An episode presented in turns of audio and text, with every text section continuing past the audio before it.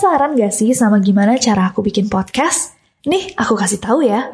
Aku pakai Anchor. Aku bisa ngerekam suara sekaligus ngedit suara. Ingat ya, A N C H O R. Bisa kamu download di Play Store dan App Store. Bisa juga di websitenya www.anchor.fm. Yuk wujudin impian kamu jadi podcaster dengan Anchor. Gratis. Hey guys, it's Nancy. And welcome back Nero. To Nero. Kini Podcast Network.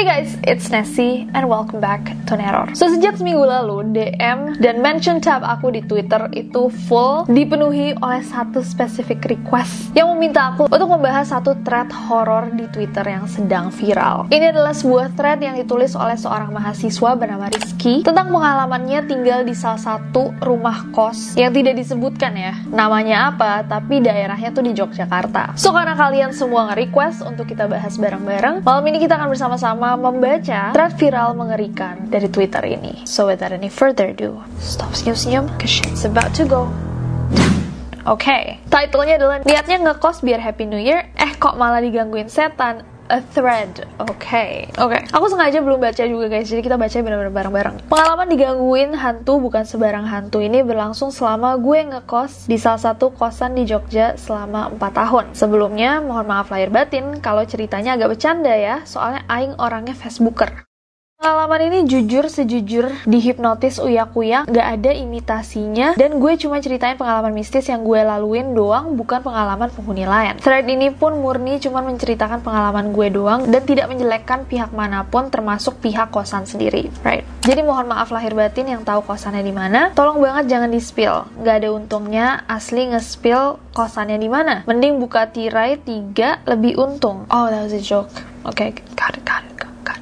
Oke, okay, mulai treat. Singkat cerita, gue nemu kosan ini setelah lulus tes kuliah, terus nyari kosan. Kebetulan gue dapet skor gede, mantap. Awalnya aku pengen masuk ke kosan depannya ini, soalnya rame anak-anaknya. Cuman ternyata udah penuh. Ya udah akhirnya gue pilih nih kosan yang nyangka nggak nyangka bakal ditempatin selama 4 tahun ini. Bagus kok asri gitu, adem deh. Pokoknya mah mulus no minus. Waktu ospek, nyokap masih nemenin di kos, jadi masih biasa aja, belum ada gangguan lah. Nah waktu hari pertama kuliah tuh malam pertama nyokap kan udah gak nemenin. Nih baru nih, berasa banget minta kenalan penunggunya. Uh, jadi di sini posisinya kan kamar gue kan di atas ya. Bentukannya nih kosan lantai atas tuh balkon O gitu. Nah dari kamar gue ke kamar Aji tuh ketara banget. Di situ kamarnya gelap tapi pintunya kebuka lebar banget. Di situ gue awal ditampakin. Oh ini jadi kayak strukturnya ya. Kamar Aji sama kamar Rizky. Kayak across from each other. Bener-bener dari kamar Aji yang gelap gulita tuh keluar kakek-kakek bener nggak pakai baju bentukannya kayak titan. Doi cuma maju sebentar kayak nongolin di depan gue terus mundur lagi balik ke dalam kegelapan. Di situ gue kayak, aduh salah milih kosan nih kayaknya gue. Dari awal masuk kuliah yang ditongolin bentukan titan sampai inget banget Juni tuh cuman gangguan kecil doang, kayak barang hilang atau suara gedebuk dur Darius. Singkat cerita pas semester 3 2018 zaman zamannya UAS tuh gong banget. Tahu kenapa? Awalnya malam jam 12-an gitu, aing kan udah tidur ya. Eh, bunyi tuh gagang pintu kretek-kretek bukan kretek no filter.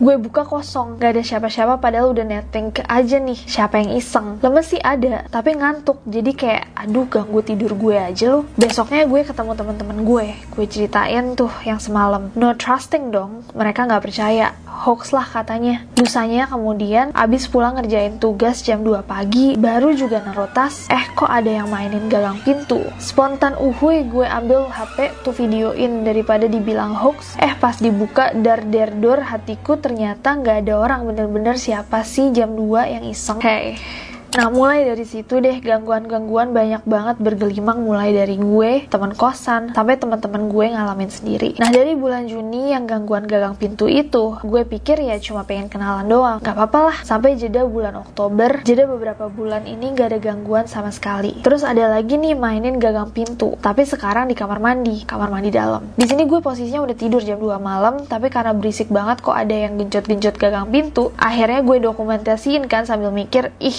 ini ini gue samperin gak ya sambil syahadat lah dalam hati. Pas gue samperin, gue buka nih. Pas dibuka terpaku, aku sabiru. Kok ada sabiru? Ternyata nggak ada siapa-siapa. Langsung lemes aja gitu bawaannya. Ah, nggak mikir panjang. Bego nih, mending gue tidur aja deh. Bener-bener lemes tahu gimana sih. Okay. besoknya gue cerita sama teman-teman gue, nanya gitu, ini apaan sih maunya ngapain? Kata temen gue yang bisa, katanya demen terus pas gue buka itu doi lagi jongkok katanya di kloset. Dari situlah gue makin kepo kan, ini kosan ada apa aja sih? Bekas apa dulunya? Kok bisa begini begitu dudi-dudi dam-dam? Nah dari Oktober tahun 2018, sekitar gue semester 3, yang gangguan pintu kamar mandi sampai gongnya pandemi itu bener-bener dikit gangguannya. Mungkin karena penghuninya teman-teman gue rame dan seru gitu, jadi nggak ganggu gitu. Mungkin yang pintu cuma kenalan doang. Oktober 2018 sampai Juli 2020 itu cuma ada gangguan teman kosan dilempar-lemparin batu. Akhirnya kita semalam tidur di balkon rame-rame. Gue pernah ketemu teman kosan gue di depan gang kosan senyum-senyuman. Eh taunya dia ada di kamar, nggak keluar sama sekali. Iseng foto pojokan balkon, eh dapet apa itu? Daerah yang gue foto itu emang agak-agak sih. Pertama deket gudang dan lampu depan kamar tuh suka nggak nyala padahal lampunya baru terus. Gak mungkin kan Opa Nasar nyanyi mati lampu. Terus samping kamar gue kan kosong ya kebetulan udah caps nih orangnya. Nah karena kamar mandi kita sebelahan gue suka denger begebiar begebiur padahal itu kamar kosong. Dan anehnya orang yang selalu tinggal di situ suka nggak betah dengar-dengar ada yang DO juga di kamar itu. DO antara dia drop out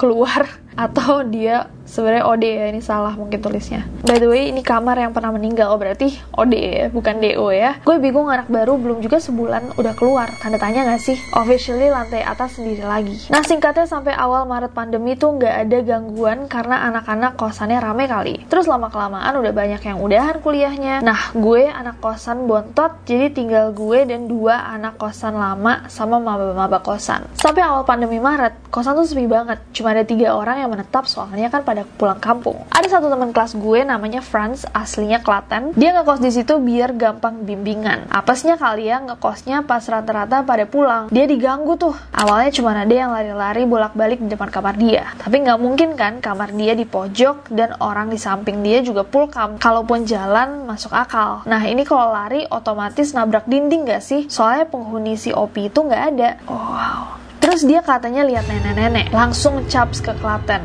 Ya aduh, alurnya aku pikir orang deretan kamar depanku mau ke dapur, tapi nggak ada suara turun tangga, cuma mondar-mandir aja gitu. Terus aku coba video ini tuh kan, dan beneran sepi. Eh pas aku mau videoin muter lantai dua, eh kok ada yang duduk di tangga, tapi cuma kelihatan bagian atasnya aja sih. Nggak tahu nenek-nenek atau apa. Dan gitu aja sih. Terus aku turun lewatin tangga itu juga, tapi nggak ada apa-apa. Nggak takut sih, cuman agak gimana gitu sama yang mondar-mandir. Oke. Okay. Pas pandemi itu juga ada teman gue yang maba, Aldo, ini ngeliat jari keluar dari ventilasi WC katanya. Kayak ngeliat tangan anjir putih masuk lewat ventilasi kamar mandi. Ih, sumpah putih pucat, serem banget. Ini video dari Aldo setelah insiden Franz cabut kosan gak mau ngekos di situ lagi. Sisa berdua dengan Bang Wirnar. Oh iya guys, aku mau sharing kalau aku bikin podcast ini langsung pakai Anchor loh.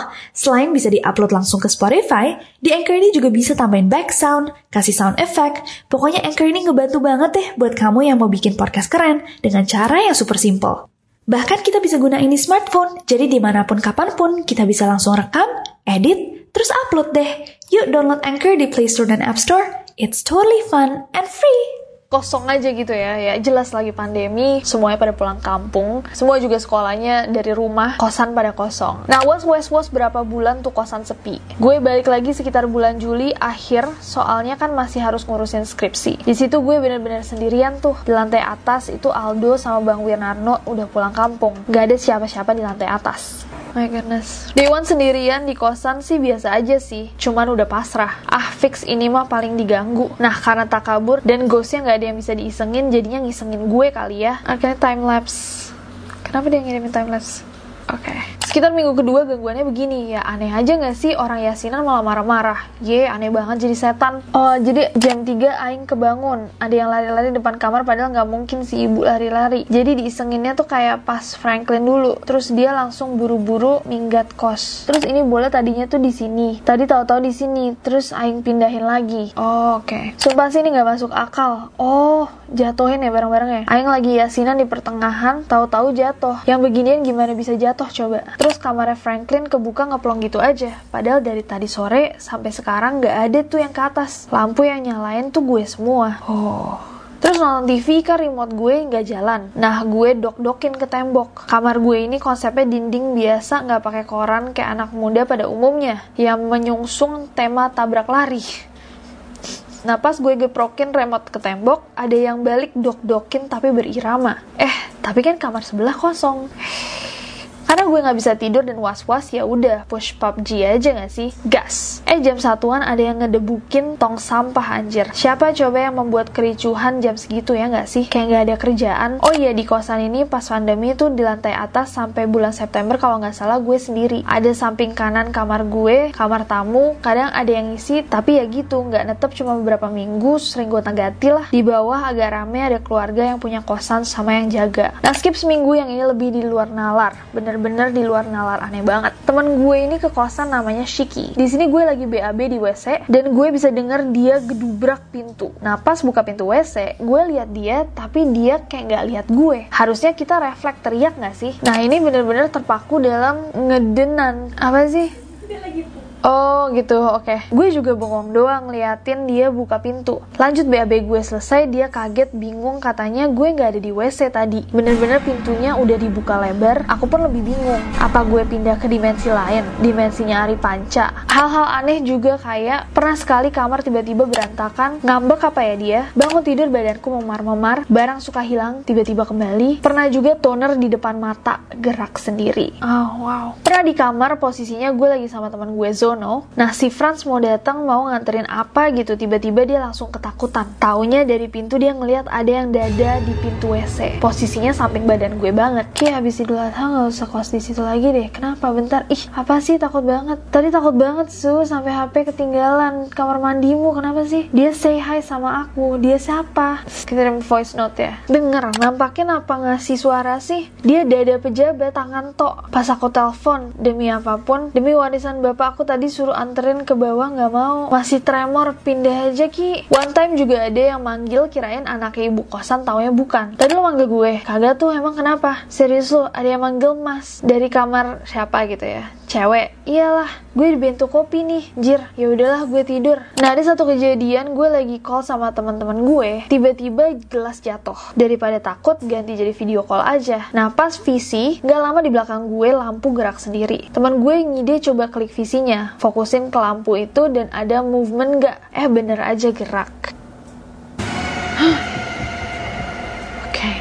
Oke, okay. nah setelah kejadian gue tidur eh malah rep-repan. Bukannya reply-replyan ya. Oh ya, setelah insiden itu gue nginep di rumah temen 4 harian. Jangan panggil aku cupu. Pernah juga ada tiga temen gue dari Purwokerto nginep di kosan gue. Mereka kayak nantangin gitu, tapi setannya nggak gubris. Sekitar jam 2 malam, kita ke Malio yuk keliling aja mobilan. Baru nyampe depan, eh pagar gue yang sendiri kenceng banget. Sampai di sama temen gue baru berhenti. Pernah juga habis pulang kan posisinya lapar. Kebetulan di bawah yang naruh roti macam kantin kejujuran gitu. Oh iya di sini sekitar bulan November, dua orangan temen gue udah balik. Waktu awal banget Bang Winarno udah balik kos, gue seneng banget kirain bakal udahan gangguannya. Jadi kan aku baru balik jam 2 kurang 15. Nah masuk tuh denger suara orang ngobrol tawa-tawa lurus aja mungkin anak bawah bawa temen rame tapi Aing nggak lihat pintu anak bawah kebuka lanjut ke atas atas jam 2 aing lapar ke bawah ngambil roti nah di situ suara ketawa makin gede kayak rame banget. Tapi kok ibu diem aja gitu. Pas nyampe di roti hilang tuh ketawa. Pas mau ke atas di pertengahan tangga tahu nggak suaranya ada lagi? Dan sekarang ternyata itu datang dari kamar aing. Suaranya itu bener-bener rame orang ngobrol. Sumpah lemes. Aing langsung lari lewatin kamar tutup mata nggak berani lihat kamar gedor kamarnya temennya. Nggak ada orang. Aing buka jendela mereka dan suara rame itu hilang. Aing bodo amat beraniin masuk kamar langsung ke kamar kunci pintu nyetel murotal. Tapi gue masih favorit makhluk itu. Padahal gue udah gak sendiri lagi gitu. Pernah juga pas masih sendirian Aing iseng videoin langit. Soalnya geledeknya aneh. Oke. Okay? eh pas dicek ada kepala orang. Padahal di situ nggak ada siapa-siapa. Hey kamu siapa? Emang iya ya? gak kelihatan? Oh ini versi oh oke. Okay. menarik menarik, menarik. Pernah juga ada suara ngaungan. Emang sih di situ lebih dominan suara Nabul, tapi aslinya aku mendengar suara wanita juga. Kemudian dan kemudian ada suara alarm dari kamar yang nggak pernah ada orangnya ini. Logika aja nggak sih ini alarm? Kalaupun ada, harusnya hari-hari sebelumnya pasti nyala kan? Kenapa hari ini doang? Makin kenceng tuh di daerah kamar situ bener-bener nggak ada orang dari awal pandemi nggak ada yang nempatin. Hmm, oke. Okay. Nah, serem oh seremnya pas gue videoin itu kan gue kasih caption. Pas ngetik nih, ya pas ngetik, ada yang lewat dong pakai jubah gitu tapi ngelayang. Jubahnya bersih kayak jubah cosplay atau abis di laundry. Warna hitam tapi dari jalannya gue bisa ngeliat kayak melayang gitu ya. Lemes tuh ya udah lanjut tidur aja. Itu tuh kali keduanya gue diliatin.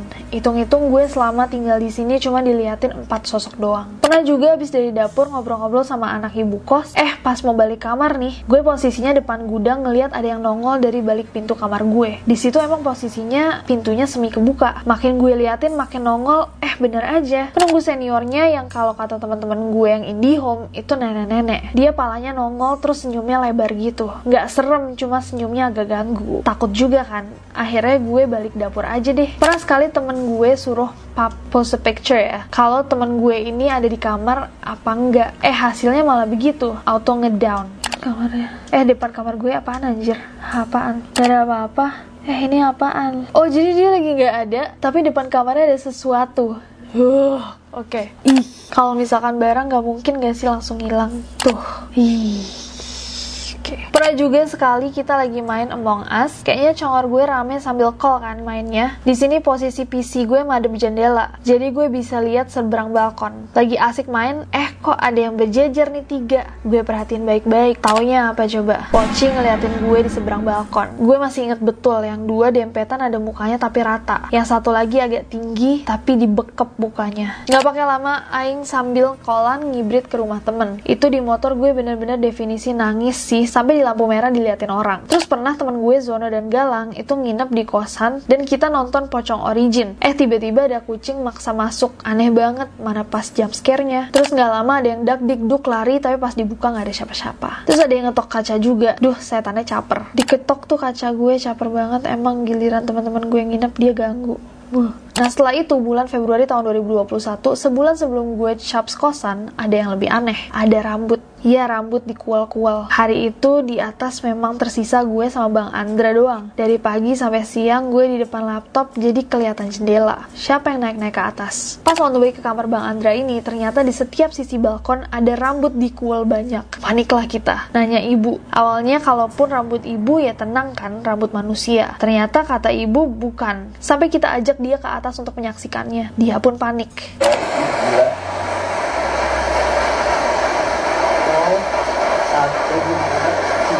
Ih.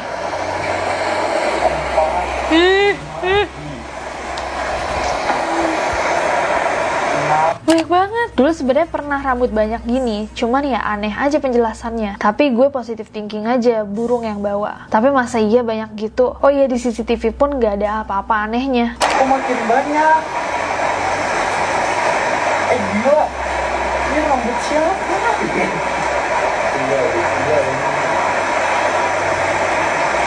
siapa?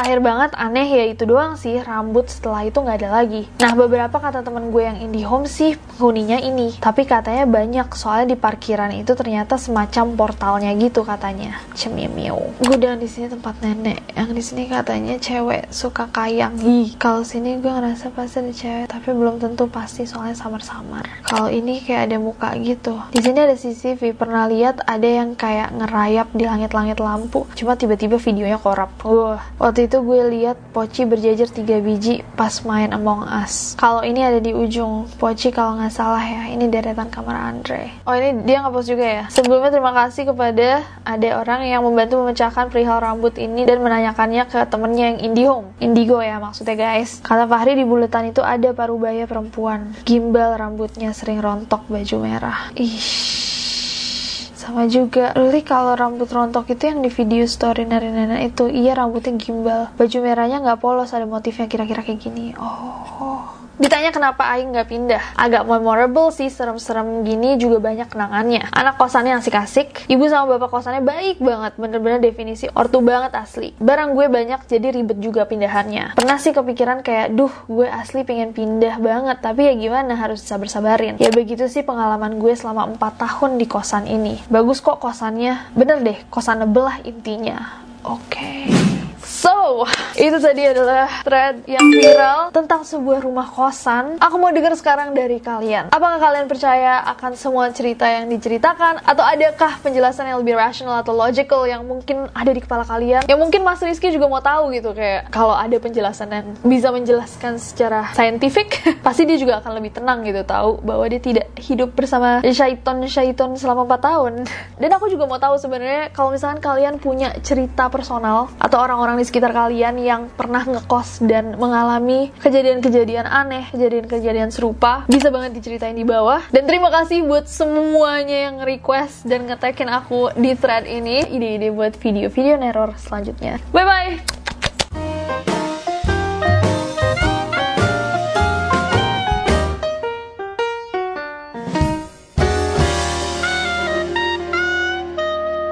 Mimi itu apa sih? Ya ampun, CMI, oke.